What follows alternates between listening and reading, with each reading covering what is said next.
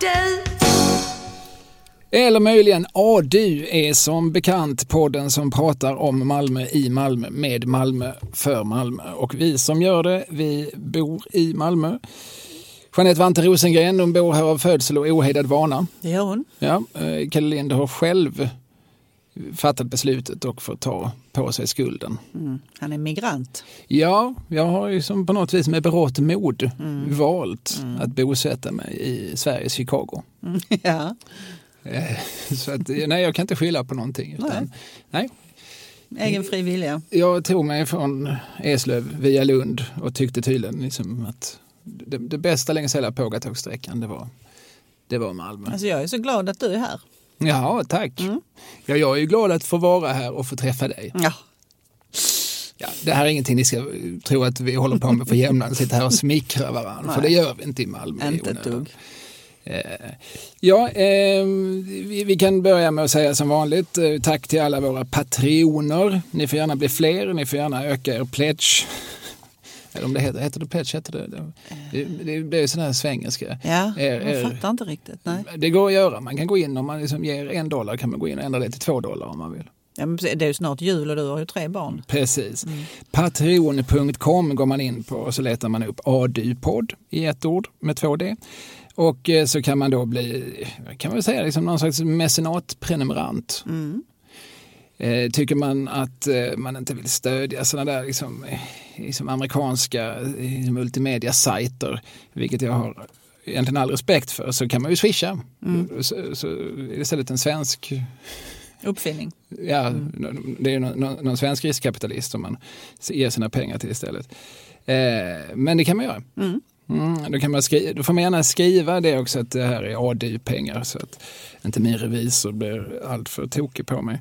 123 052 1088 123 052 1088 är swish-numret.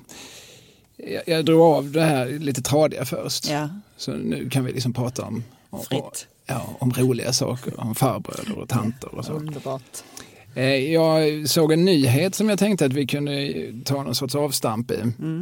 Vid slutet av 2020 hade Malmö 347 949 invånare. Under året fick staden knappt 3 800 nya invånare. Vilket visserligen är den långsammaste befolkningsökningen för kommunen sedan 2005. Vilket beror på att invandringen minskat kraftigt. Vilket har märkts också i hela Sverige. Men trots den låga be- befolkningstillväxten var Malmö ändå den kommun som fick flest nya invånare under året 2020. Jaha. Mm. Alltså från både Stockholm och Göteborg var det många som flyttade ut ur stan Ja. under pandemin.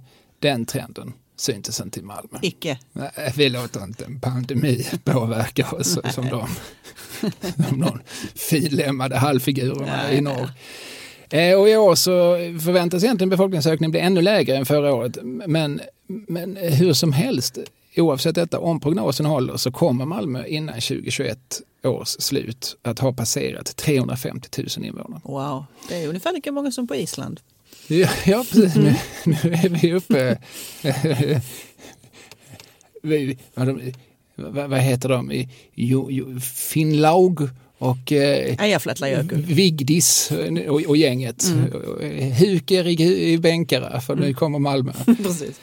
Eh, jo, men man har ju vant sig lite grann vid att säga att ja, men Malmö har lite drygt 300 000 invånare. Men nu får man då vänja sig Uppgradera det. Ja. Ja, precis. Ja. Nu kommer vi få säga att det är en stad med 350 000 invånare. Ja, Det är ju någonting där liksom, med varje 50 000 streck som... precis.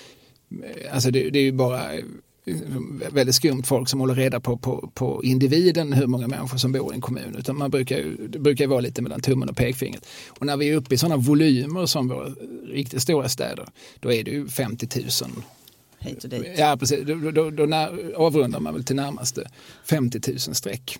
Ja, men jag tänker det när jag var barn och gick i skolan då, då fick man alltid lära sig att det var 250 000 i Malmö och sen har jag haft svårt att få ut det ur skallen så jag har liksom trott att det har varit 250 000 väldigt, väldigt länge. Och nu är det 100 000 till. Ja, och det är även procentuellt en ganska häftig ökning. Ja. Alltså, I Tokyo hade man ju inte märkt en skillnad på Nej. 100 000 hit eller dit. Men äh, här är det ju, Ja. alltså, nu kan ju inte jag matte, men det är ju, vi pratar Nej. väl 100, 100 någonting procent. Ja, det är någon Ja, sorts ökning i procent.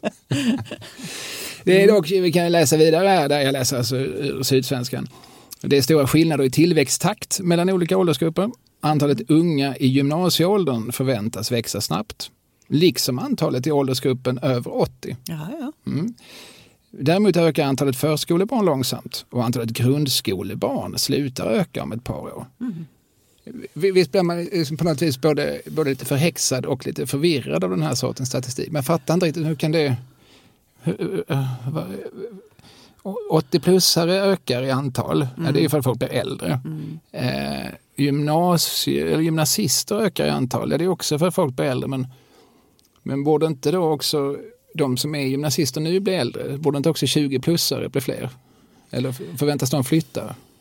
Eller? Jag hoppas du inte ställer detta som en fråga. Jag Nej, det är gått högst humanistisk linje. Jag kan, Nej, men- inte räkna. Jag försöker bara ge uttryck för den förvirring Ja. som den här sortens statistik alltid Ja. sätter igång i mig. Nej, men visst.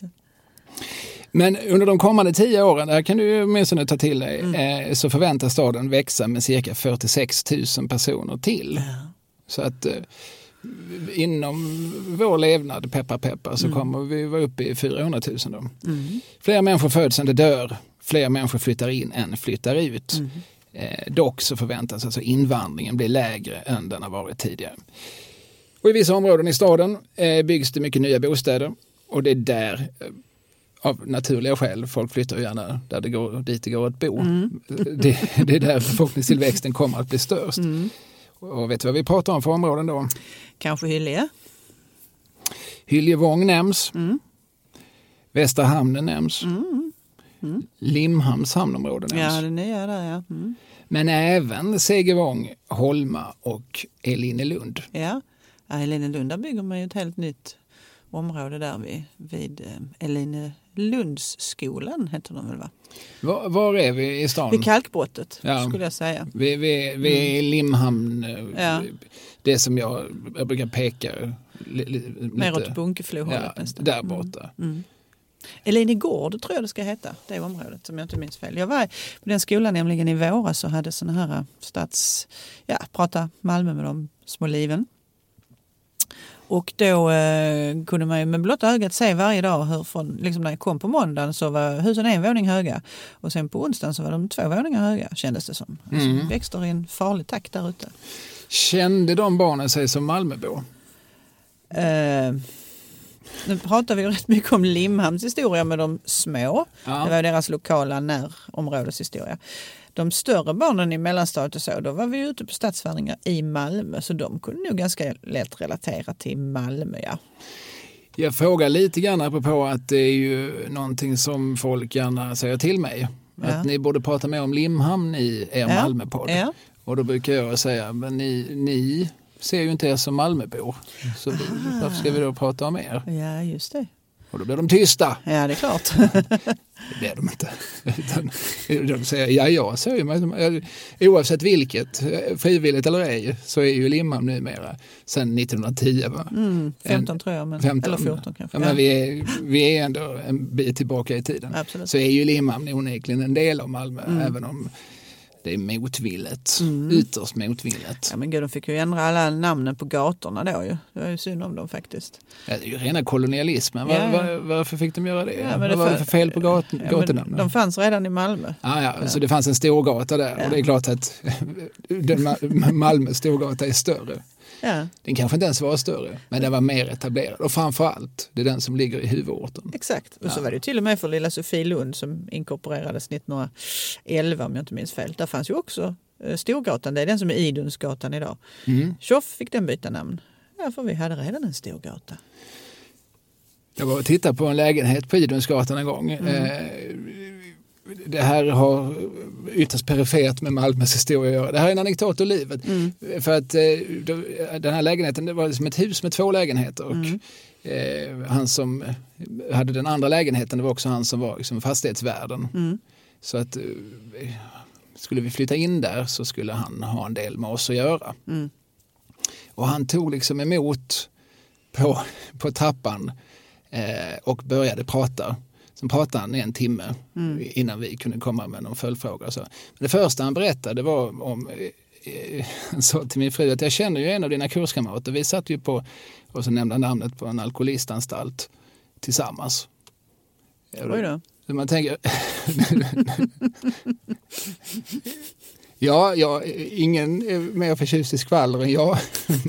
man, är, man är nästan...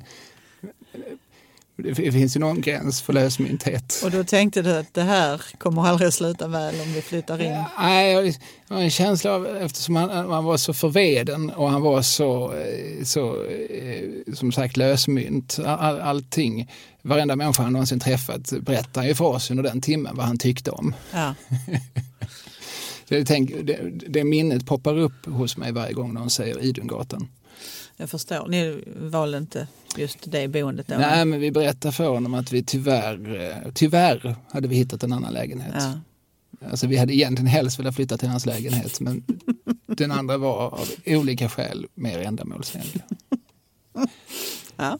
Detta apropå, inte så mycket, jo men apropå alltså att staden växer och staden bebyggs och så, så ska vi prata om en av de stora byggherrarna. ja, men detta är ju en tv-övergång. Man Det var faktiskt inte, jag hade en tanke när jag började liksom rabbla den här aktuella statistiken. Att det, det, här, det är inte första gången i Malmös historia som staden växer.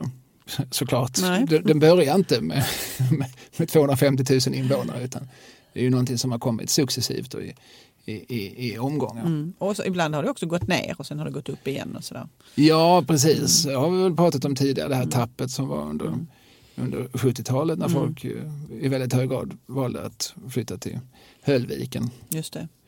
Eftersom eh, sådana här figurer som Erik Svenning och de här liksom gamla röda patriarkerna som vi ibland återkommer till och som hade ett visst inflytande i stan. Och, och eh, de, många av dem var ju motståndare till villor. Just det. Alltså våra väljare vill inte bo i villor, de. Utan att kanske frågat alla väljarna vad Fråga de någon. tyckte. Någon liten väljare. För uppenbarligen vill ju någon bo i villa eftersom det var en väldigt stor utflyttning till just villor i andra kommuner. Just det. För det är väl så när man gör någon sorts, eh, vad säger man, sån här, liksom efterkontroll. Eh, var, var gick det snett så måste ju någon ändå ha sagt det. Vi kanske skulle ha byggt lite fler villaområden. För att uppenbarligen fanns det bland våra potentiella skattebetalare en efterfrågan på det. Och Malmö tappar ju under, det är väl under hela 70-talet som det går ner. Ja, det tror jag absolut. Och sen så kommer de tillbaka igen. Men det, och det har ju hänt flera gånger tidigare genom historien liksom också. Av olika skäl. Så. Eh, Men eh, nu ska vi prata om en, minst en av dem som var med när staden vid olika tillfällen har behövt bygga nytt. Ja, men precis. Erik Sigfrid Persson tänker du på. Ja, det hoppas jag att jag tänker på. Jag hoppas vi är överens om att det är honom vi ska prata om. Just det. Det finns många Erikar nämligen som vi har pratat om. Erik Persson, Just fotbolls det. MFF. Erik. Hövdingen. Och det finns andra. Ja, Erik Svenning som Ja. jag just nämnde. Just det. Eh, Ja, det är väl fortfarande tror jag idag Sveriges vanligaste mansnamn. Det är det kanske. Ja. Eller framförallt har Erik varit lika populärt i tusen år. Ja, det, ja. det, det är ett sånt namn som det inte går mode i, Nej. utan som alltid. I varje generation så finns det ju som en stor pyts Erikar. ja, det är sant. Det gäller ju inte för Lennart. Nej. Eller Kent. Eller, nej. Nej, eller för eh, Janne Spike, alltså som Schyfferts son heter. Sp- Spike eh, är ju väldigt ovanligt bland 50-talister till exempel. Spike. Ja. Ja. Ja. Eller Kasp, Kasper, Kaspar, Marcel och Fabius som Horace Engdahls söner heter. Det, det, Nu får du säga det en gång till. Kaspar, Mm. Marcel Mm. och Fabius. Ja, ja. Tre olika barn alltså. Det är tre söner. Mm. Mm. Horace och jag har båda tre söner. Ja. Det är det som förenar oss. Han har sina med Ebba Witt. Det är där vi skiljer oss. Ja, just det. Just det. Kaspar Engdahl är ju faktiskt eh, stjärna här på Malmö Opera. Han är ju operasångare. Alltså, nu är jag helt eh, kunskapsluckad känner jag. Ja, Varje gång jag träffar dig så lär jag mig något nytt. Ja, nej, men då, skriv upp det här Ja, nu. Att, ja, ja. att eh, Kaspar Engdahl som är en av solisterna på Malmö Opera Mm. Eh, är alltså son till Horace och Ebba Witt. Man kan inte vara mer kulturbarn än han Nej, det är svårt faktiskt. faktiskt. Mm. Jag tror att där, är, där slår han i glastaket. Ja. Han får nästan byta namn liksom för att kunna... Ja, och samtidigt heter man Kaspar Engdahl. Det är dumt att byta namn. Det, för det är, ett, det är ett bra kulturnamn. Ja. Man kan inte byta namn till, till Ronny Persson. Liksom. Satansverserna tänker jag på då. Men det är någonting annat. Ja. Eller han heter inte, han heter Ronny Jönsson. Det var något, ja, jag tar tillbaka det. Du tänker på Claes Malmbergs gamla, gamla skämtfigur. Ja. Som för övrigt gör comeback eh, Just eh, ganska snart Ja. i Göteborg. Men nu är vi, vi, vi, ska, vi ska hålla oss Ja. inom Malmös gränser. Sant. Erik Sigfrid Persson. Yes. Är Sigfrid ett mellan eller, eller är det ett efternamn? Nej, det är ett mellannamn. Så det är inte som Jan Boris Möller, för han heter faktiskt Boris Möller i efternamn, den Mm. gamle kändiskocken. Nej, det här, det här är Persson som är hans efternamn. Erik Sigfrid. Eh, Och det var kanske rent av för att skilja sig från den andra Erik Persson. vet inte det. Alltså han, från, det är möjligt, för han la, eh, på hans tidiga ritningar då stavade han dels Erik med K och så var det bara Erik Persson. Sant. Så att han kan ha lagt till det där för att, eh, för att särskilja sig. Ja. Det är möjligt. Ja, alltså det måste inte vara, alltså jag, jag vet inte riktigt när i tiden vi är och hur etablerad hövdingen Erik Persson var vid tiden. Jo, men det var ju alltså, inte minst på 30-talet, men när, när Erik Sigfrid Persson var i sitt, eh, hade redan liksom blommat ut här i Malmö. Men eh, ja, nej visst. För man lite om sig och kring sig har man ett ganska anonymt namn som Leif Persson och är kriminolog. Ja. Då eh, gör man liksom initial av sina mellannamn, Gustav Willy. Och så Precis. blir man GV på sikt med svenska folket. Just Så, slut så kan man bara skriva GV, stämpla GV på pocketarna. Ja, Så fattar alla vem man pratar om. precis. Det är ju få som hamnar på den nivån kanske, men, men, men det är ju någonting, alltså, om, man, om, om man vill bli en smula bemärkt, och det behöver inte bara bero på narcissism, utan det kan ju bero på att man vill, alltså, det, Pragmatisk. ja precis, för Erik Persson är ett anonymt namn. Ja, Det är Erik Sigfrid Persson däremot. den kommer man ihåg. Ja. Ja. Men han, han kom ju inte härifrån utan han kom ju från Tomelilla. Mm. Ska vi diskutera uttalet? Ja men eh, jag sa det just så därför att jag har hört honom. Jag, jag tror att detta var i, det kom en film för några år sedan som heter Funkinskungen Mm. av eh, Jessica Nettelblatt och Stefan Berg som handlar om Erik Sigfrid Persson. Och då pratar, där är ju klipp med honom själv när han säger saker och ting. Och då vet jag att han, när jag såg den så reagerade jag på att han sa att han kom från Tomelilla. Jag vet ju inte, det var en som sa Tomelilla och det var Hasse. Hasse Alfredson. Ja. Som flyttade dit eller han flyttade till Sällshög eller han skaffade ett sommarhus i Sällshög 67. Och eh, så får han liksom runt i trakten och liksom gjorde sig väldigt hemmastad och intervjuade folk och sådär. Och eh, hävdade ju då med någon sorts liksom, historikerns rätt att eh, så, Tomelilla är det korrekta uttalet. För det, det är väl lilla Tommarp. Så Mm. Ja, det det. Mm. Tomelilla. Eh, men, men det har jag aldrig hört någon säga i Tomelilla. Där det också sägs Tomelilla det är ju i Pelle Erövraren. Mm. Eh, Bill August film med Max von Sydow som, som Lassefar. Mm. Som säger ju där Lasse Karlsson från Tomelilla erbjuder min arbetskraft. Eh, Men att han säger Tomelilla det är för att han ringde och frågade Hasse Alfredson hur ska jag uttala Tomelilla? Mm. Varpå Hasse omedelbart sa Tomelilla. Ja, och sen så är det ju en, en till som uttalar det så. Det är ju de som sjunger Bo Olsson från Tomelilla, hej! Och så vidare. Här får du mest för pengarna. Precis. Vilket för övrigt är han som har skrivit den, han heter Jörgen eh, Jörgen e, e, Elofsson, Enoksson. Jaha. Och är ju en, alltså han har ju världshittar, så han har jobbat med Max Martin och, Ja, ja, och ja. eh, Dennis Pop och liksom Cheiron-gänget. Det är samma kille alltså. Ja, precis. Det är väl liksom ett sånt här lite, jag vet inte om det är en sån sak han gillar att bli påmind om eller som man, eller som man kanske skäms för. Mm. Men, men det är ju så lite udda punkt i hans CV. Just det. Eh, han har skrivit lite för Britney Spears och så har han skrivit den här också. Men eh, man kommer ihåg den här. Ja, den har, Den har det, det är väl det där liksom enfaldiga hej. Ja, precis. Som, som ju uppenbart är tillagt bara för att melodin ska funka. liksom, ja. Men, men som eh, liksom med facit i hand också är trademarket. Mm, mm. Som gör att man, hade han inte sjungit hej så tror jag inte vi hade kommit ihåg den. Nej, det kan, vara, kan absolut vara på det sättet. Ja, Vi kom från ämnet. ja det. Men det får, man- pratar man om Hasse Alfredson så har man rätt att tappa tråden. Ja. För att då är det helt i hans anda. Och det finns en möjlighet ska jag säga att vi kommer in på Hasse Ja. igen. Ja, ja. Jo, jag säger detta för att hålla dig på bra humör. Och jag anar redan vad vi ska prata om. Jag- För jag tror vi ska i kvarter runt Värnhemma. Eh, Ja, det, var, ja, det också. Men, ja, ja. Mm. Eh, nåväl, Erik Sifred Persson, han kommer alltså från Tomelilla. ja, men han växer upp där med, eh, med sin mor och far. Pappa är murare och det är en stor familj. De är tolv syskon alltså. Mm. Ehm, så, och han var barn nummer fem i, i räckan så att ganska Han måste tidigt. blivit osynlig. Ja, och när han var nio år fick han ut och du vet jobba. Nu fick han vara gåsapåg och uh, valla gäss och sånt där och hjälpa till att få mat på bordet.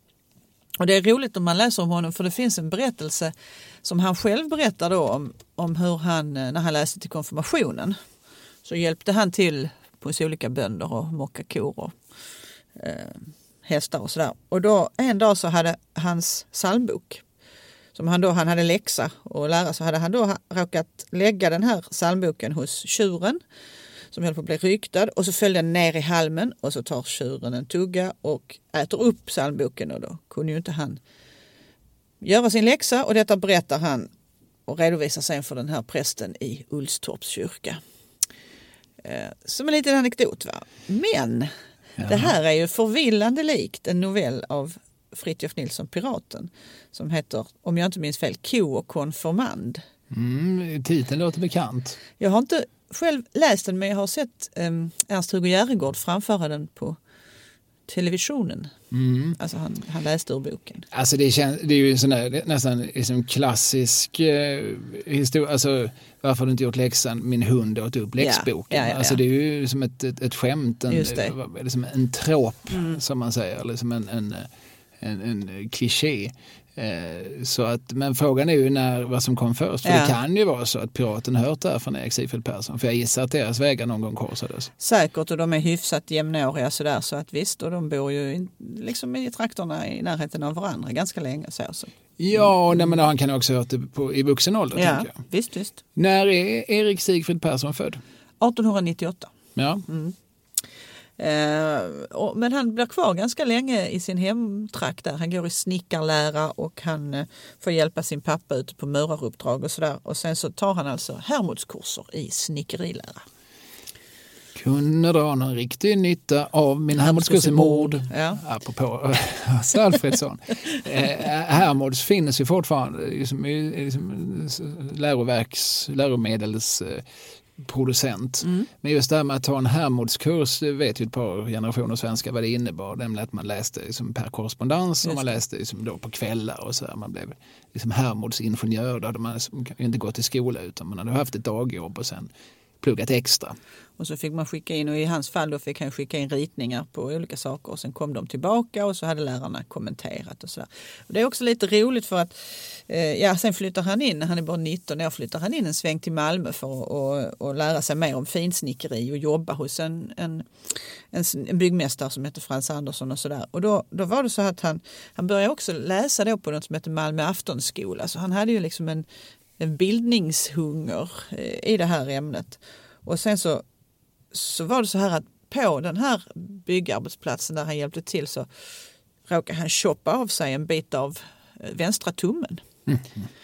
Eh, Det är sånt som händer snickare då och då. Och då Ja, fick de han... flesta snickare har väl fe- fem till åtta fingrar. Ja, men, Då som, som är fullt funktionsdugliga. Mm. Men då fick han sig ju en ersättning för det här, en sorts skadeersättning. Och med de pengarna så kunde han då eh, studera i Danmark till just snickare och få liksom en riktig snickarutbildning. som blir tömmermän. Han blev tömmerman. Och eh, sen så kommer han tillbaka igen till Tomelilla. Och Tomelilla på den tiden, detta här är i början på 20-talet, det var ju liksom inte nu ska inte jag förolämpa de som bor i Tomelilla men det händer, det kanske inte är så där stort och det händer kanske inte så hemskt mycket efter klockan sex på kvällen låt säga. Och det menar du att du gjorde i Malmö? Ehm, eh, nej jag tänker nu. Ja, Nu- nu ja. ja, nu- nej, nej, nu nej, nej. Ja. Man kan gå till den här Celtic-baren. Ja ja. Det är väl 17 personer som får plats. Men, men, men 1921 så var det liksom en Ja, det, var, det var ju hur mycket fabriker och industrier som helst och det fanns massa butiker och mekaniska verkstäder och slakterier och massa olika skolor och sådär. Så att det var en stor inflyttningsort. Massa människor som flyttade in till Tomelilla. Det var bara det att det var ont om bostäder. Så det är där han gör sina första lärospån i att själv då rita och bygga sina hus. Se där. Ja. Och eh, ja, Ja, det är väl generellt en tid då, då liksom även liksom mindre och mellanstora samhällen i Sverige expanderar. För att det är liksom, Sverige har väl liksom levdat lite grann. Alltså vi, vi, vi har det lite bättre. Alltså fler människor överlever och det finns fler försörjningsmöjligheter och alltså behövs det fler bostäder. Mm. Och, och folk alltså, det är inte så, vi pratar inte om någon urbanisering av stora mat men av småmat. Alltså landsortsmänniskor. Det behövs lite färre människor ute på landet. Alltså, Just det. Eh, man har inte liksom bruk för lika många människor i, i liksom skördeprocessen. Nej. Utan är man då tolv syskon så behöver liksom ett antal av dem ändå söka sig in till någon sorts samhälle. Mm. Visst är det så, absolut. Och man tänker sig hur det var i Malmö då så det saknades ju också ofantligt många bostäder. Det var ju väldigt många bostäder som var dåliga rent utav. Så man, det var ju mycket nödbostäder på 20-talet, inte minst i gamla eh, slottet alltså som är museum idag där man hade nödbostäder både i kanontornen och i kommendanthuset och ja, på flera andra ställen. Liksom. Gamla kolonistugor som fick tjäna som eh, vinterbostäder. Ja, just det, som man byggt under första världskriget. Mm. Då för att, eh, ja, för man behövde odlingslåtorna för det var liksom ja. allmän allmän nödtid och allmänt elände och sen så tänkte man kanske att när det här kriget är slut då ska jag ha ett isolerat hem. Ja, precis. Men tji fick man. Tji fick man, ja.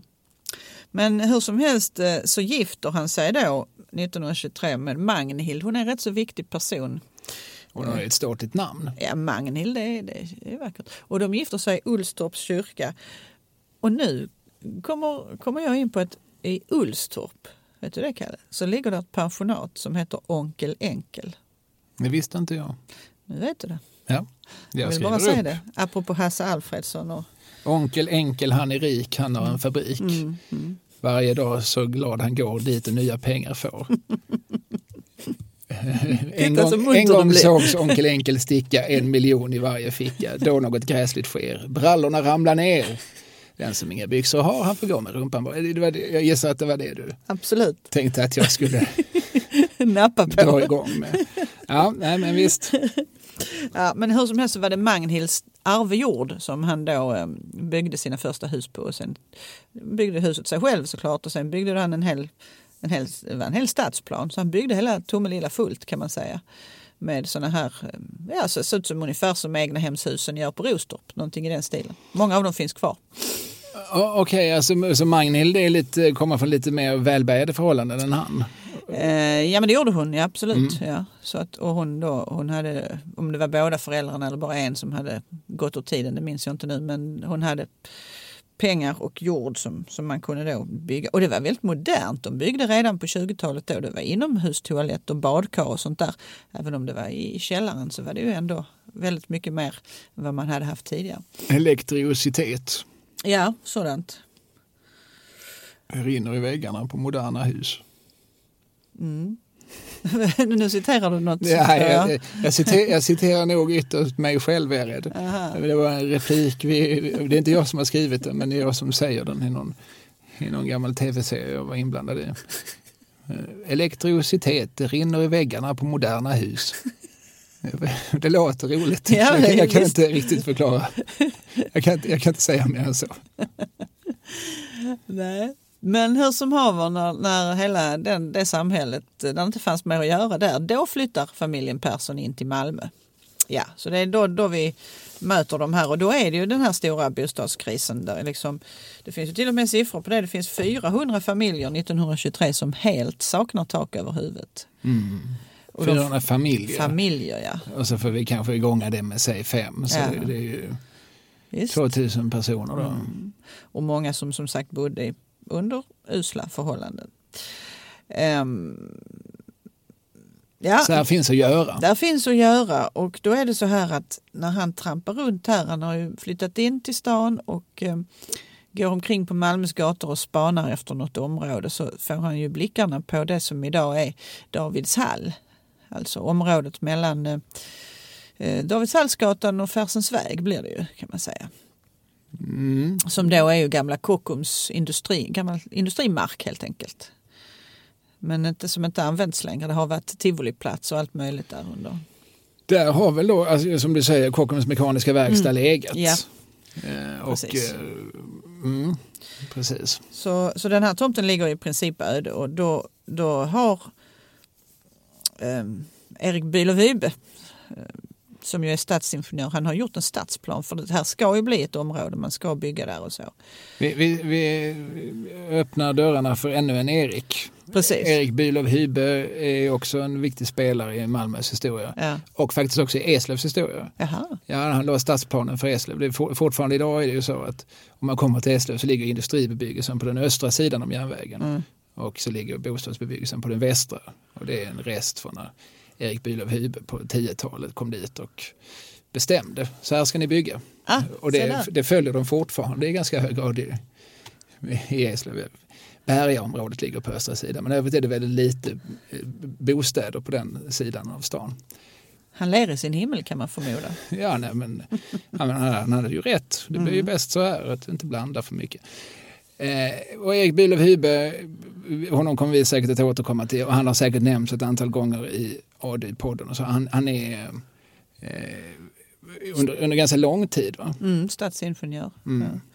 Och han tar ju emot Erik Sigfrid Persson med, med öppna armar. Men annat var det ju med han som var stadsarkitekt arkitekt på den här tiden som hette August Stoltz. Oj, oj, oj, det blev hårda sammandrabbningar. Han var liksom av den gamla skolan. Han tyckte ju inte om det här som skulle komma. Det här nya luftiga, lätta funkis tänket utan han, eh, han var ju en traditionalist. Sen så har han ju en son då som heter Karl-Axel Stoltz som också blir stadsarkitekt efter sin far. Som också gör oerhört mycket eh, funkis men det är ju det är långt senare i tiden. Men är det, det, det, är det är lite generationsmotsättning? Ja. Eh, alltså olika sätt att, att se på hus, se på skönhet, se på funktion. Är det också en klassmotsättning? Det vet jag inte. Alltså jag, det, nej, det kan jag inte påstå att jag, att jag säger att det är eller att jag tänker att det är. Nej. Men eh, För att så småningom, alltså när, när, när modernismen breder ut sig i Sverige från 30-talet och framåt och den har väl egentligen sin, sin peak på 60-70-talet, alltså under miljonprojektet och sådär. Då har ju den här, liksom, eh, vad ska vi kalla det, liksom en arkitektur och eh, eh, liksom estetikidé, den har ju väldigt mycket gift sig med socialdemokratin.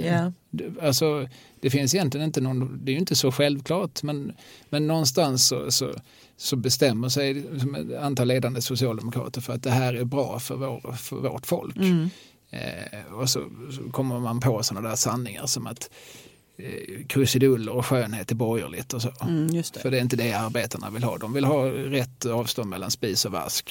Sen skiter de i hur huset ser ut. Vilket jag, vilket jag tycker är som, låter märkligt. Alla människor jag har träffat tycker att skönhet är väl positivt. Ja, men absolut. Oavsett vilken klass de tillhör.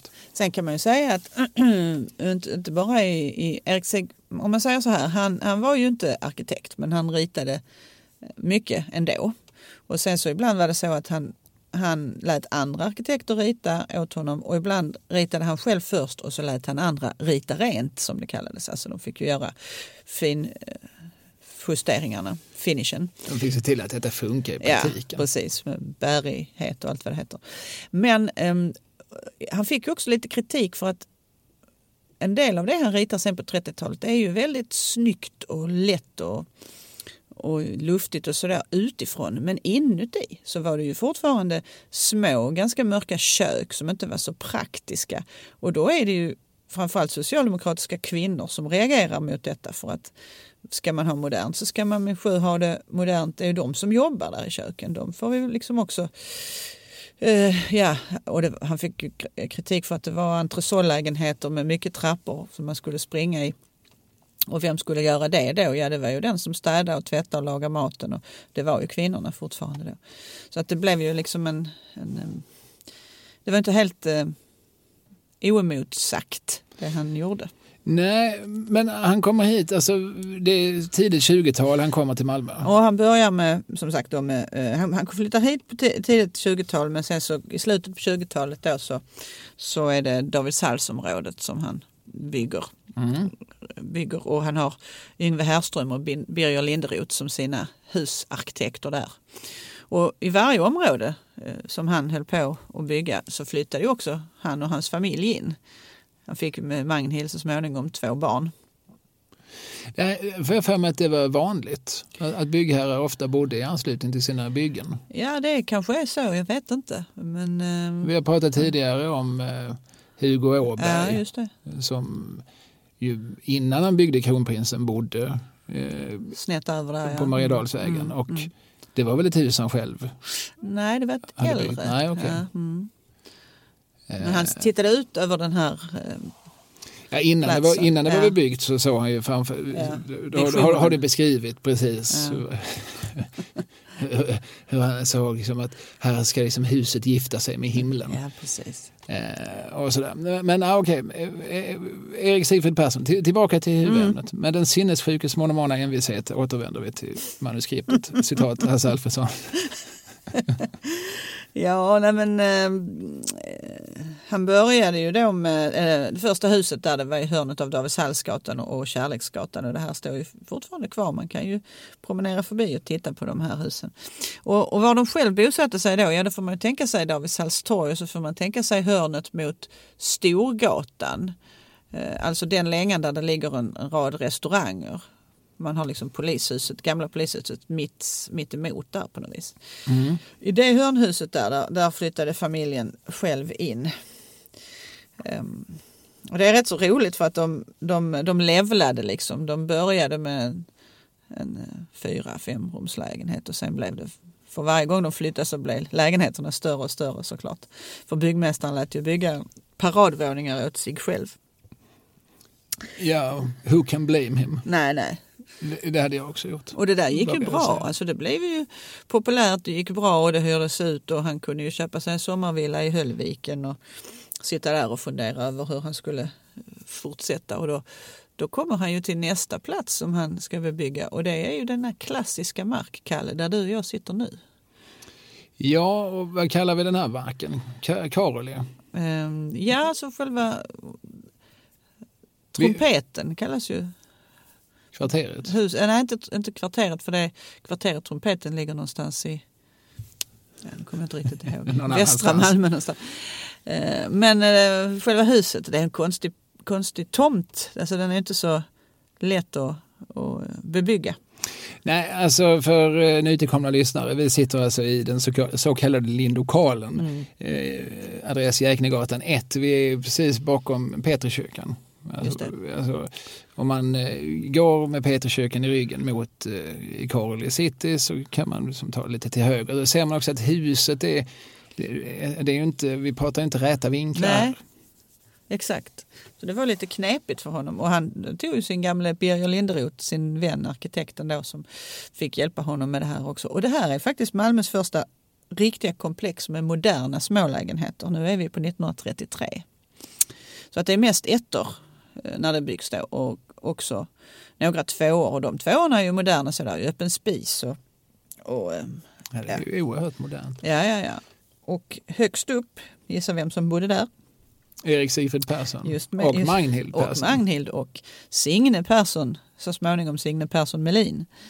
Och sonen som kallades för, jag tror han hette Sven-Erik, vad han kallades för Eke. Eller Nils-Erik kanske. Ja. Se där. Ja.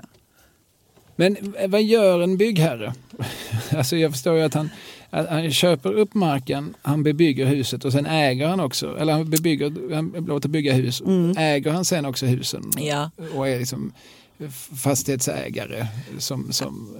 Och sen så lägger han ju ut allt det där andra på, alltså någon annan får ju driva in hyrorna och, och sköta, vara gårdskarl och vad man nu gör.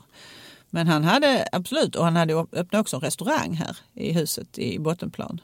Här, alltså ja, där vi sitter? Ja. ja. Eh, som, det var ju någon dröm han hade haft det här att öppna restaurang och han hade inte riktigt pejl på på hur det där gick till. Så han fick ju engagera alla möjliga släktingar, systrar och svägerskor och allt möjligt som fick jobba där. Och baka wienerbröd och hälla upp kaffe och vad man nu gjorde, servera.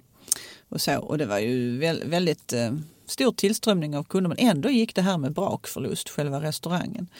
Och då är det en liten rolig historia faktiskt om att eh, när det här står klart så är det en stor strejk och det är framförallt träarbetare som, som strejkar då eh, i Malmö. Och då är det många stora byggprojekt som är liksom igång och är planerade som får vänta lite. Bland annat östra, hela Östra sjukhusområdet och det är Borgarskolan och eh, den här nya delen på, på, på museet, 30-talsbygge. Det, det där ligger på vänt lite grann, man får pausa.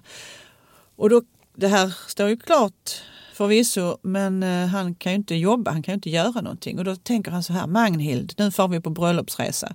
Det var ju 11 år sedan de hade gift sig, men herregud, karln hade ju jobbat hela tiden. Så. Ja, just det. Men nu fick han en lucka i kalendern, ja. eller han makade lite i almanackan. och jag ska säga att Magnhild hade nog också jobbat hela tiden, för att hon fick ju med, ja, nu ska vi ha bjudning Magnhild, om 30 minuter kommer det 12 middagsgäster. Alltså det var ju på den nivån det var, så hon fick ju snabbt och lätt ordna saker hela tiden. Och de far iväg i alla fall med eh, skeppet Gripsholm mot Indien. Mm, mm på semester där och ska koppla Gipsholm är väl annars en klassisk Amerikabåt? Ja, och jag vet inte riktigt hur rutten gick. Men eh, de landade i Mumbai hur som mm. helst. Och där får ju han då eh, malaria. Så hela hemfärden sen så ligger han och Erik Sigfrid Persson och skakar och har frostbrytningar och sådär. Men hade nog någon form av sinnesnärvaro för att han lyckades sälja den här restaurangen, som ju då inte gick med vinst, till en av hovmästarna på Gripsholm. Det tycker jag är till Ja, du vet en entreprenör vilar aldrig. Nej, det är ju faktiskt så. Ja. Um. Så det är väl det han är, alltså bara för att förstå den, den här mannen och vad han mm. faktiskt gjorde och hans drivkraft och så. Alltså han, är, han är väl entreprenör. Han är, han är entreprenör, han, han är, också inte, uppfinnare. Ja, för han är inte anställd av kommunen på något nej, sätt nej. Eller så här, utan han har sin egen firma. Han köper marken för egna mm. pengar och sen när han bygger han och sen måste han ju ibland sälja det här sen för att kunna köpa ny mark och gå vidare och bygga något nytt som den outtröttlige entreprenör han är. Liksom. Mm. Och det finns en, som en konstant eh, framåtrörelse. Ja. Alltså han är hela tiden liksom ett eller två steg före. När detta är färdigt Magnhild, då jävlar, ja. det är då vi börjar på riktigt. Precis. Uh. Och hon fick någon gång frågan om, för de flyttar ju hela tiden. Jag, jag höll ju på att roa mig här häromdagen och, och titta liksom var i Malmö de hade bott och hur länge på olika ställen. Mm. Uh, man kan tänka sig... Du har en sån tolerant omgivning. ja, jo, men det kan man ju ganska enkelt i olika databaser eh, kolla upp. Sådär. Men eh, Magnhild fick någon gång frågan, tyckte inte hon det var trist att behöva, ja, hon var lite rotlös sådär. Nej, hon tyckte det var härligt med nya fräscha lägenheter och det var ju nya uppfinningar varje gång. Liksom. Varje gång de kom in i något nytt ställe så fanns det ju, men sånt där som han uppfann som plötsligt var ju till stor gagn för husmödrarna så öppnar man liksom en dörr och sen så var det en utfällbar strykbräda. Mm. Så praktiskt va? Alltså sådana här små lösningar. Och när vi kommer så långt fram som till friluftsstaden så är det ju liksom sopnedkast inomhus i köket. Man bara bör öppna där så poff, ut med soporna. Man behöver inte ens gå ut. Sådana små saker som han hittar på. Så han, ja, ja. Mm.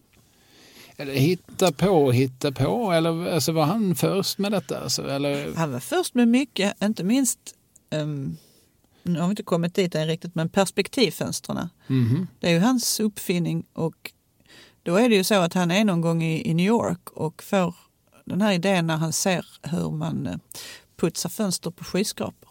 Alltså män som hänger i långa linor och ser fullständigt livsfarligt ut. Och så tänker han, men herregud, det måste ju vara, finnas ett enklare sätt att putsa fönster. Man måste ju kunna liksom öppna dem och, och svänga runt dem sådär så att man kan putsa från insidan.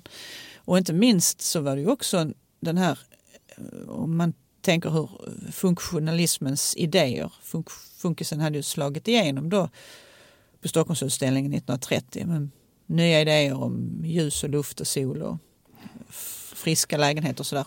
Livsvärd för luft och ljus är kanske inte det tillräckligt, skrev en stor August. Ja, ja.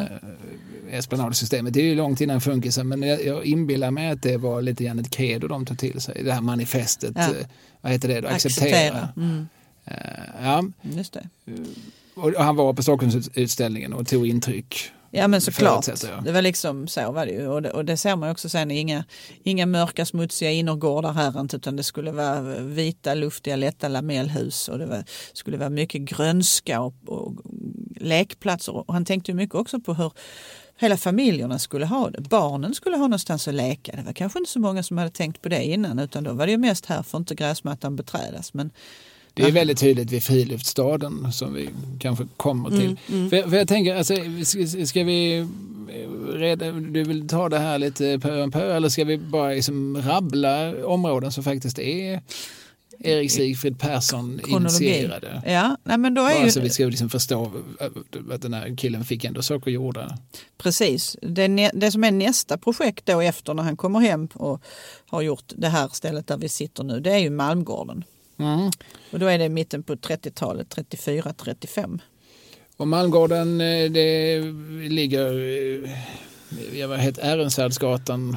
Ja. Eh, Vi är i kvarteret bredvid grottan. Nu vet alla vad jag pratar om.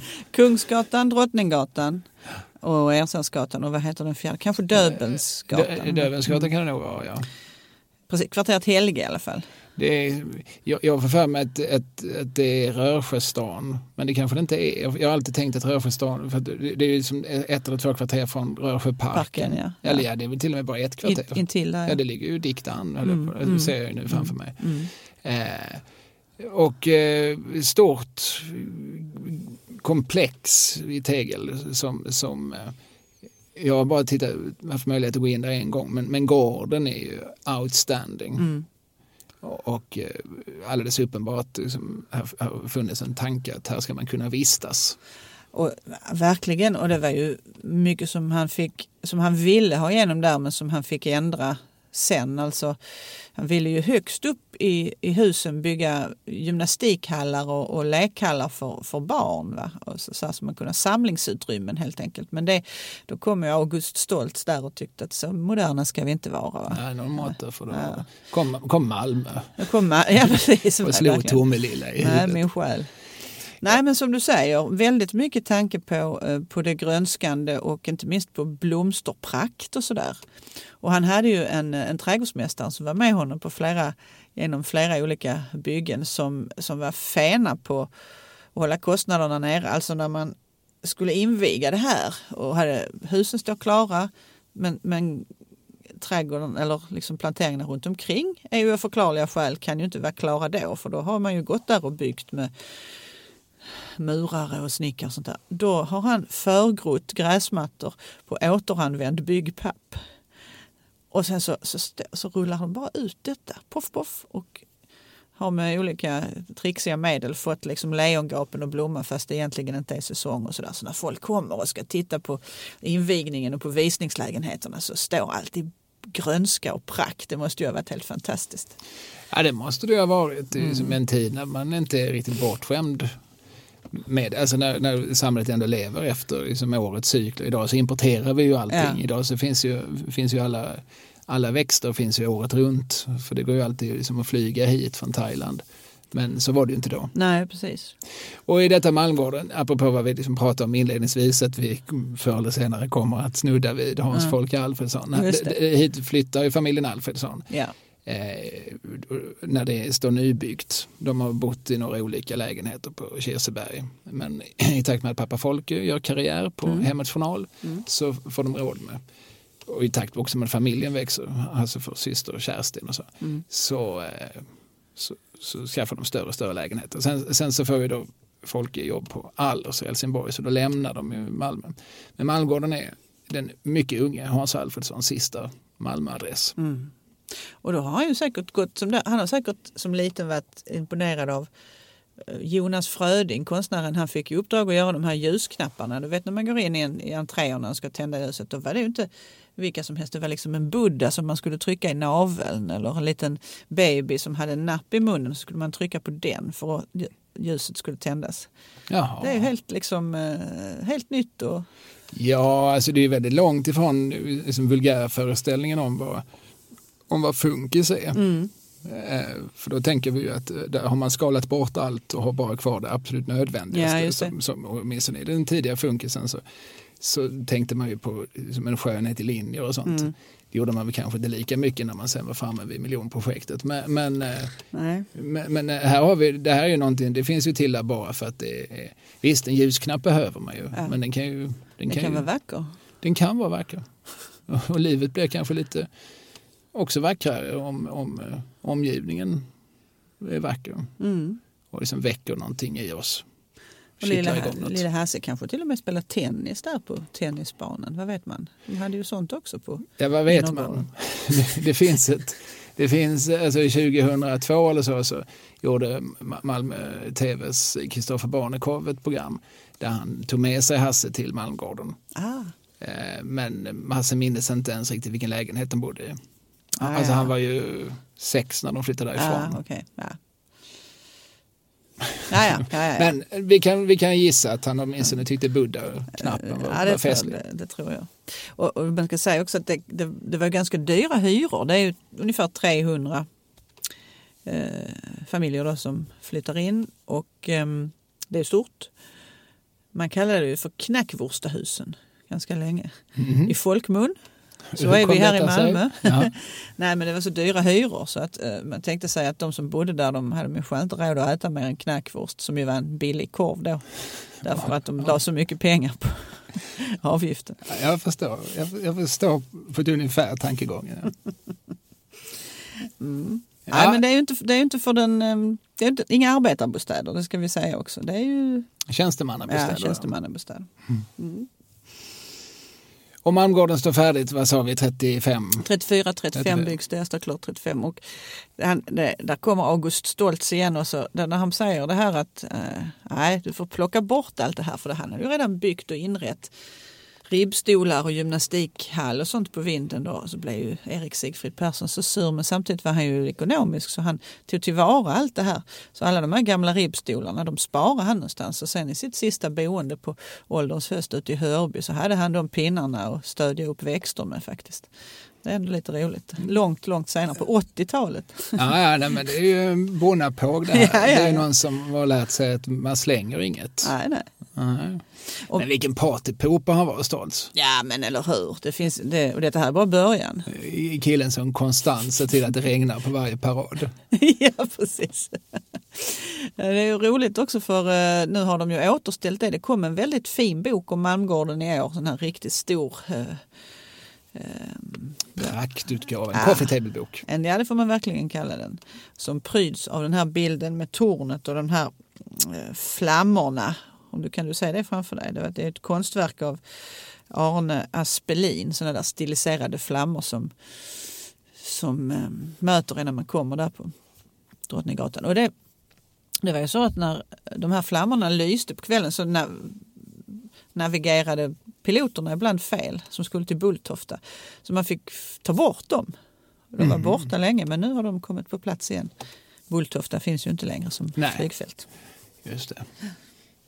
Mm. Vi, vi- går vidare i Erik Sigfrid Perssons m- maniska... Ja, han, det får man nästan säga. Han gjorde så då att sen sålde han, tror det är väl 37 då, så säljer han hela det här Malmgården till någonting som heter Allmänna livförsäkringsbolaget Oden i Stockholm för den netta summan av 4,8 miljoner. Ja, det, är- det är ju pengar. Ja, ja. Och då Det skulle ju... var, det var min lägenhet kostar nu men jag, jag tänker mig att det har ju också funnits inflationer och så. Ja, men precis. Man får tänka sig det här på 30-talet. Liksom. Och då skulle han ju använda de pengarna för sitt nästa projekt. För Karn har ju hela tiden något nytt i huvudet. Och nästa projekt är då Ribbershus. Mm. Ja, Ribbershus, om, vi inte, om man inte ser det framför sig så vet man väl var Ribbersborg ligger. Mm. Eh, och Ribbershus det är väl de här eh, husen vars gavlar eh, som blickar ut över havet. Ja, de, åtminstone de tre första om man räknar från, från turbinen, alltså från stadssidan så är det ju sådana här eh, det är niovåningshus, va? tre stycken. Eller de är, där är en hel lång rada men det är de tre första som är det ursprungliga höga Ribbershus och sen på insidan av kvarteret så ligger det ju låga hus också och det är det låga Ribershus. Och högst uppe så finns det någon sorts penthouse. Ja, Det, precis. det kanske inte kallades så på, på 30-talet men, men, men eh, man, man, kunde, man kan ju väl nyttja taket lite grann och liksom, i princip ta ut en stol och Ja, men- ta en kopp kaffe. Ja, För jag tr- tror att Åke Arenhill, Mm. en Malmöprofil eh, som eh, han blev nästan hundra, han dog för något år sedan. Mm. Eh, dekoratör på Olssons herrekipering i botten. Men också en mångsysslare inom, inom kultur, gjorde mycket tv, gjorde julkalender 1980, jul på Möllegården. Eh, han gjorde, han satt, många av oss kan liksom kanske se framför sig att han sitter i någon sorts ägg och läser naivistiska dikter. Ägg Han- med skägg. Han hade, ja. Precis, ja. han hade liksom ståtliga mustascher och eh, det mest kända han kanske har gjort det är eh, om du, om du sluter ögonen så ser du kanske, kan du, kanske, om jag skjuter fram hakan så ser du att jag är ganska lik Tommy Körberg och att min röst nästan är på hans nivå. Mm. Och så sjunger jag som en bro över mörka Ja. vatten ska jag bära, bära dig. Mm. Han översatte alltså Simon Garfunkel åt Tommy det, Mm. Så att men han var en, en mångsysslare. Men, Ja. men vad han i grund och botten nog var, det var ju någon sorts liksom, målande konstnär. Och han hade sin ateljé, tror jag, som jag har förstått det, högst upp i något av Ribers hus. Och så bodde han själv i samma hus. Han tog hissen upp Just det. för att få lite utsikt, lite vy. Visst var det så också att om inte han har det fortfarande men Torbjörn Flygt har också haft en, en, en skrivarlya där minns Jag tycker man har hört detta. till och med där på något sätt? Mm, Ja, det ringer eh, svaga klockor. Mm. Jag vet för övrigt att Åke Arenhill även eh, med, med, tog fram akvarellerna när han skulle skriva sina fakturor. Jaså? Ja, jag har en kompis som, som har jobbat lite med Åke Arenhill. Det var alltid en fröjd när man fick Åke Arenhills fakturor. Tyvärr var man ju tvungen att skicka även dem till revisorn. Ja, man kunde inte spara dem som konstverk. Nej, inte, inte om man ville dra av dem. Ja, det är ju finess får man säga. Ja. Det har jag aldrig fått någon sån. En annan människa som jag tror liksom har bott i de här, det är Björn Walde. Mm. Eh, känd som en av Nattsuddarna. ihop med Svante Gunberg. Mm. Hans far, eh, alltså han, som barn flyttade han till Ribershus och bodde i dem när de Ja. var tämligen nybyggda. Mm. Eh, vill jag minnas att han har berättat för mig när vi har setts på något mingel. Ja, ja, ja. Se där, fullt av kändisar. Ja, det är väl de vi kom på va? Mm, så där i en hast. Ja, och sen har det ju varit så um, under kriget så var det ju också så att det var både tyskar och, och norrmän och engelsmän som hade konsulat i huset. Eller ett av husen där då. Mm. Det hängde ju en sån här svastika-flagga ut från, om det var fjärde våningen eller någonting, ut mot sundet som en, Som en påminnelse.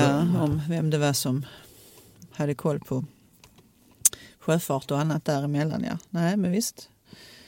Han flyttade in, eh, Erik Sigfrid Persson flyttade in alltså först av alla eh, när det här stod klart då, 1938. Då var det en niorumslägenhet.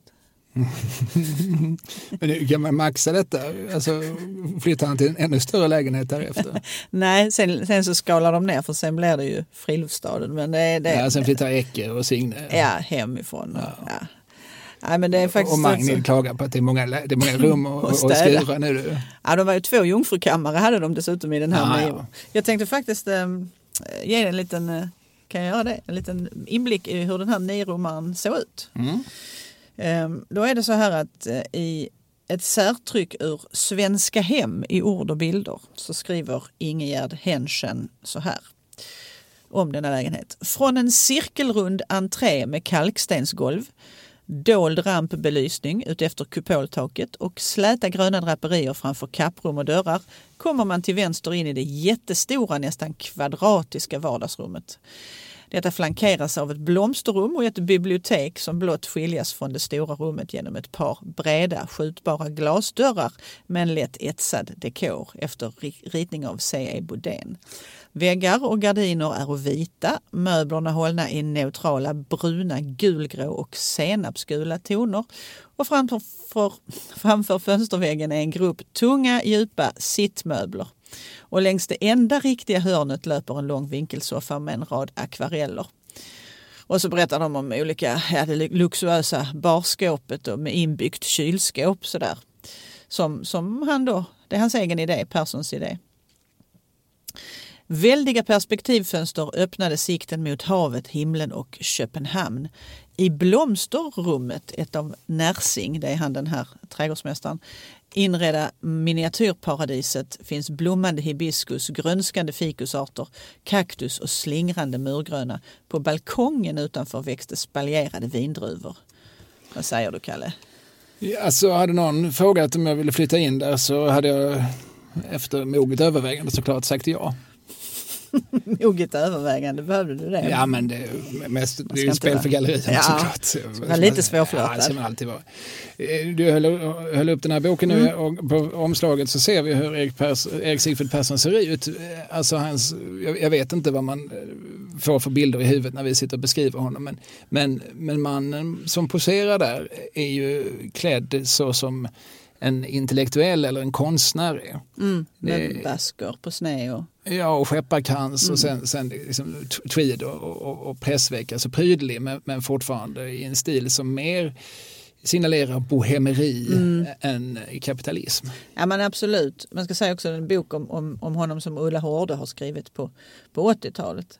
Där hon också har intervjuat honom i den här boken. Och han är ju sprungen ur, han är ju, liksom, han är ju nästan självlärd i, i allt han tar sig för. Han har också ett fruktansvärt humör, vittnas det om från många olika håll. En koleriker. Ja, och var inte alltid kanske jättelätt att samarbeta med. Vissa tyckte det. Arkitekten David Heldén som ritade mycket av Ribershus tyckte att det gick geschwint. Andra fick ju liksom lirka med honom och han kunde underkänna saker och så ritade han om och så kom han dit när de redan hade byggt grejer och så fick de riva ner. Så att, ja, han visste eh, liksom exakt vad han ville eh, och ibland kanske inte förrän han såg det han inte ville att det skulle vara. Du förstår. Ja, jag förstår. Mm. Nej men så är det ju med de stora konstnärerna. Mm. Att de, liksom har man en vision så då är den liksom viktigare än huruvida det är trevligt. Nej, eller men visst, visst. Mm. Ja, såklart. Ja, nej, men han fick ju saker gjorda, det kan man ju inte säga någonting om. Men... Det måste vi ge honom. Det får vi göra. Eh, sen är det ju också så här, nu, nu försöker han igen med det här. Högst upp ska det vara gymnastikhallar och det ska vara ja, sånt som man kan roa sig med inomhus på vintern inte minst. Ja, det är klart det ska vara ribbstolar på Ribbershus. Ja.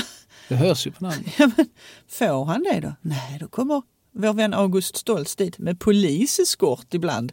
Stoppar bygget flera dagar. Vägrar säga nej, du får inte göra det här.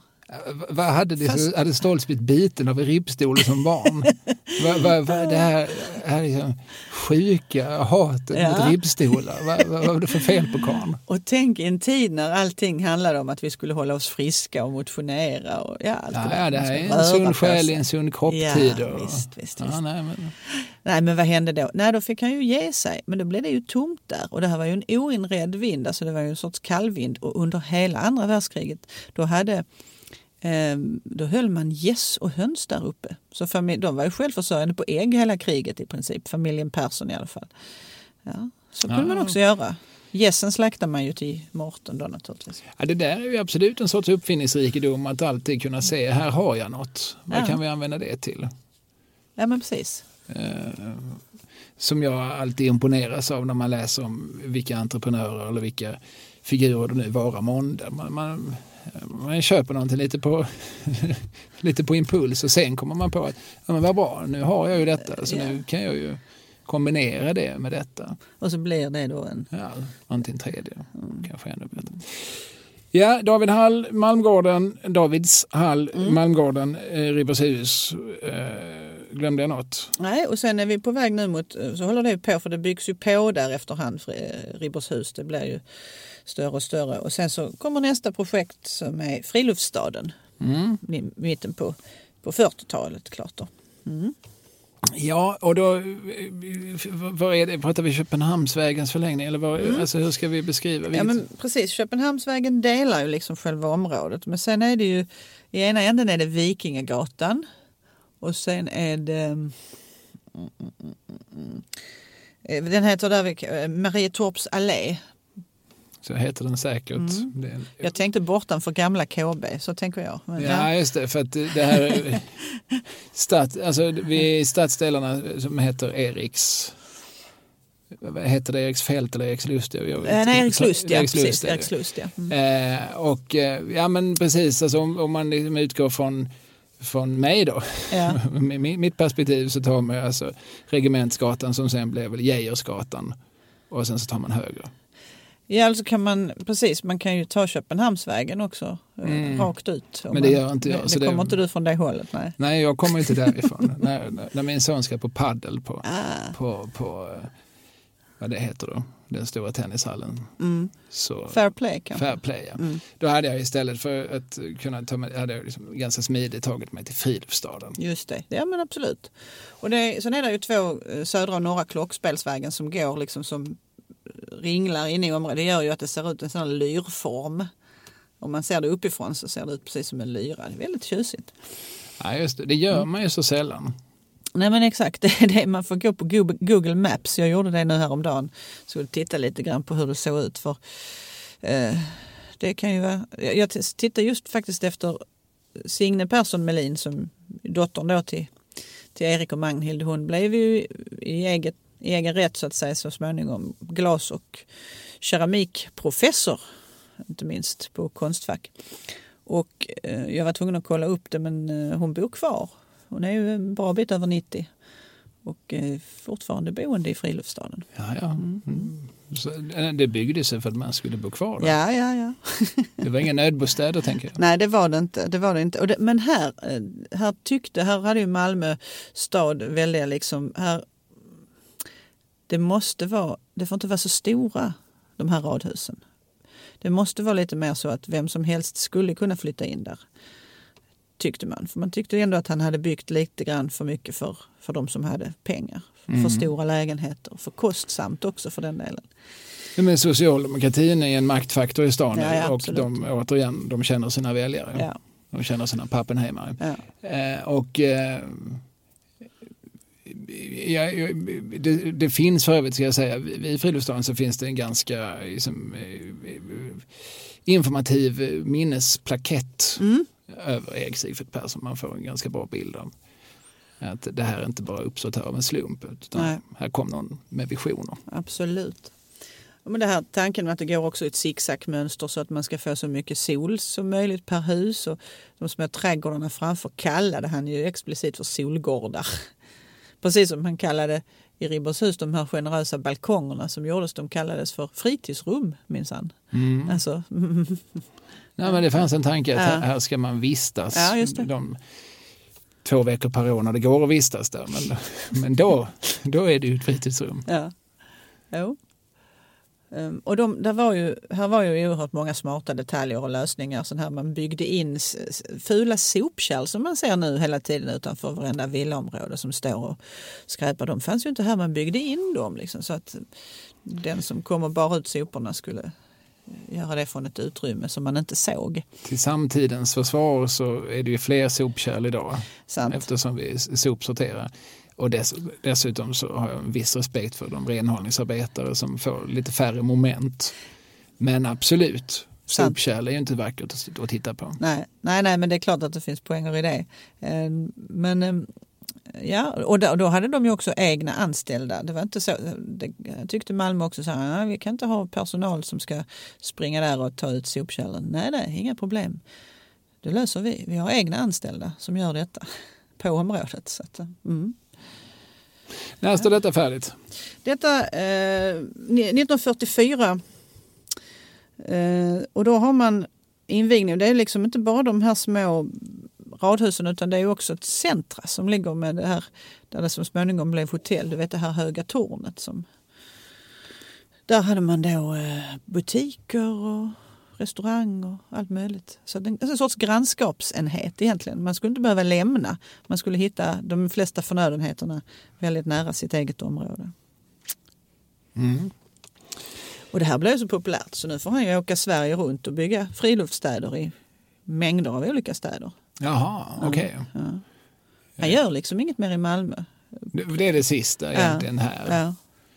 Ut, utan, för, sen ägnar han sitt liv ganska mycket åt att åka runt. Och, Ja, och han, det var ju rätt så snöpligt för han, han blev ju med, med åren mer och mer kanske svår på att samarbeta och det var någonting när han skulle ändra runt där i, i den här eh, centret i friluftsstaden så var det något med någon bärande vägg som han ville flytta eller han gjorde det kanske mot bättre vetande och eh, det ledde fram till, ett, till en eh, konkurs faktiskt. Han fick förbud om att fortsätta bygga för att han hade gjort det här och så, så småningom gick han i konken. Vilket mm. snöpligt slut. Ja, ja, ja. Faktiskt. Det var oväntat. Jag, jag kände inte till det här. Ja. Eh, och det handlar också om att någon som hade hyrt in sig, jag kommer inte ihåg om det var något religiöst samfund nu som jag för mig hade hyrt in sig, inte kunde betala och då blev det en personlig konkurs alltihopa för honom. Ju. Så. Ja. Men han hade ju byggt han hade ju flera uppfinningar. Och, och man tänker sig att det här kopparhuset som det kallas ingår ju också i, i eh, friluftsstaden. Det här som gamla KB, alltså där ICA heter det väl? Med Malmborgs, Malmborgs som ligger där idag. Um, det var, I, rondellen, i rondellen där, cirkulationsplatsen, förlåt. Ja, det, det är också en sån här uppfinning som han hade med de här aluminiumfasaderna och fönsterna som han sen gjorde. Det blev ett eget företag bara det, precis som perspektivfönsterna blev. Så att han hade många strängar på sin lyra. Liksom. Ja, och trots det gick han i konken. Ja. Han var bättre på vissa saker än på ekonomi, låter det som. Förmodligen. Mm. Det, det, är ju inte alldeles ovanligt. Nej, nej. Bland visionärerna. Nej, nej, såklart. Men han lyckas ju liksom väldigt länge liksom hålla sina visioner i rörelse och, liksom, ja. och återigen liksom gå från klarhet till klarhet. Och, eh, och levla. Nu, nu, har vi testat ja. det här och, och bevisat det här. Ja. Så nu köper vi upp en ny bit mark och så testar vi som en annan sorts idé jag har till hur det optimala boendet är. Oerhört fascinerande personlighet också med, med tanke just på att han är han är liksom, har gått i snickar, snickarlära. Det är det. Och hamnar liksom i hela världens blickfång, inte minst med de här perspektivfönstren som blev en exportvara till, till hela världen efterhand. Så ja, det roliga är också så här att när han är 81 år gammal så säger han, nu citerar jag, det är så gräsligt att hela detta samhälle planeras av medelålders tråkmånsar. Ja, men han såg väl sig som en evig yngling. Ja, antagligen. Han var ju relativt ung då, alltså då är han ju i, vad sa du att han född 1891? 98. 98 till och med. Mm. Så då är han ju, han är ju inte ens, han är ju i 30-årsåldern när ja. han påbörjar, ja. liksom, när David Sall. Just det. Så, så att ja, eh, och kanske anser han liksom att hans unga energi eh, stannar kvar i honom. Ja. Så är det säkert. Och det har väl en viss rätt låter ja. det som. För, för, att, eh, ja, han har ju också där, liksom, eh, alltså uppenbarligen liksom, lyssnar han också på andra människors input mm. på något plan. Att han fattar att Eh, ska jag bygga de här husen så är det inte bara mina behov som ska tillgodoses Nej. utan ska barns, barns mm. behov mm. och han lyssnar väl också på de här kvinnorna som klagar på de mörka köken för att mm. i framtida byggen så, så, är det ju en faktor som han räknar med. Mm. Att nu så det här ska vi också tänka på. Så. Alltså han är ju mottaglig på det viset. För, för, han kanske inte är mottaglig för kritik, han kanske inte är mottaglig för någon annans expertis, men han är mottaglig för andra människors behov. Ja, och han var tydligen väldigt liksom lyhörd för, för han bodde ju ändå tillsammans med alla de andra sen som bodde i hans hus. Så han fick ju klart en massa input och, och eh, han månade mycket om de som var hans hyresgäster, eh, har jag kunnat läsa mig till. Och folk fick olika presenter och när det föddes barn så fick de eh, speciella gåvor hit och dit och så. Så att, ja, han hade något intresse i det såklart. Ja, ja men låter ju åter, återigen alltså, en patriark. Ja, just det. Den gode patriarken. Mm. Det var en rolig grej där i friluftsstaden. Då byggde han in en liten lucka så att mjölkbudet, som, man ser ju inte så många sådana idag, mjölkbud. Nej, av uppenbara skäl. De finns ju inte. Nej. Idag har vi Foodora. Just det. Uh, ja, och då, då kom ju de och, och levererade den här kalla mjölken och då byggde han in en liten som en lucka i väggen som mjölkbudet då kunde öppna från utsidan och ställa in och sen kunde då husmor på insidan liksom lyfta ut mjölken på sin sida. Ja, det är fiffigt. Ja, men en praktiker mm. och uh, med någon sorts förmåga att, uh, att förena det praktiska och det estetiska. Mm, just det. Eh, och det är väl i någon mån det som är funktionalism. Mm. Eh, alltså, det går ju att definiera på många sätt men det, men det är ju liksom ett, ett spår inom funkisens idé att eh, vi ska göra det nödvändiga vackert. Just det. Och eh, det var väl ett ideal han verkligen höll framför sig. Mm. Och, det, ja, det är, och alla de här husen eh, finns ju kvar. Ja, ja, det är bara ut och, och titta. Det är bara ut och scouta. Det är bara att kolla Hemnet.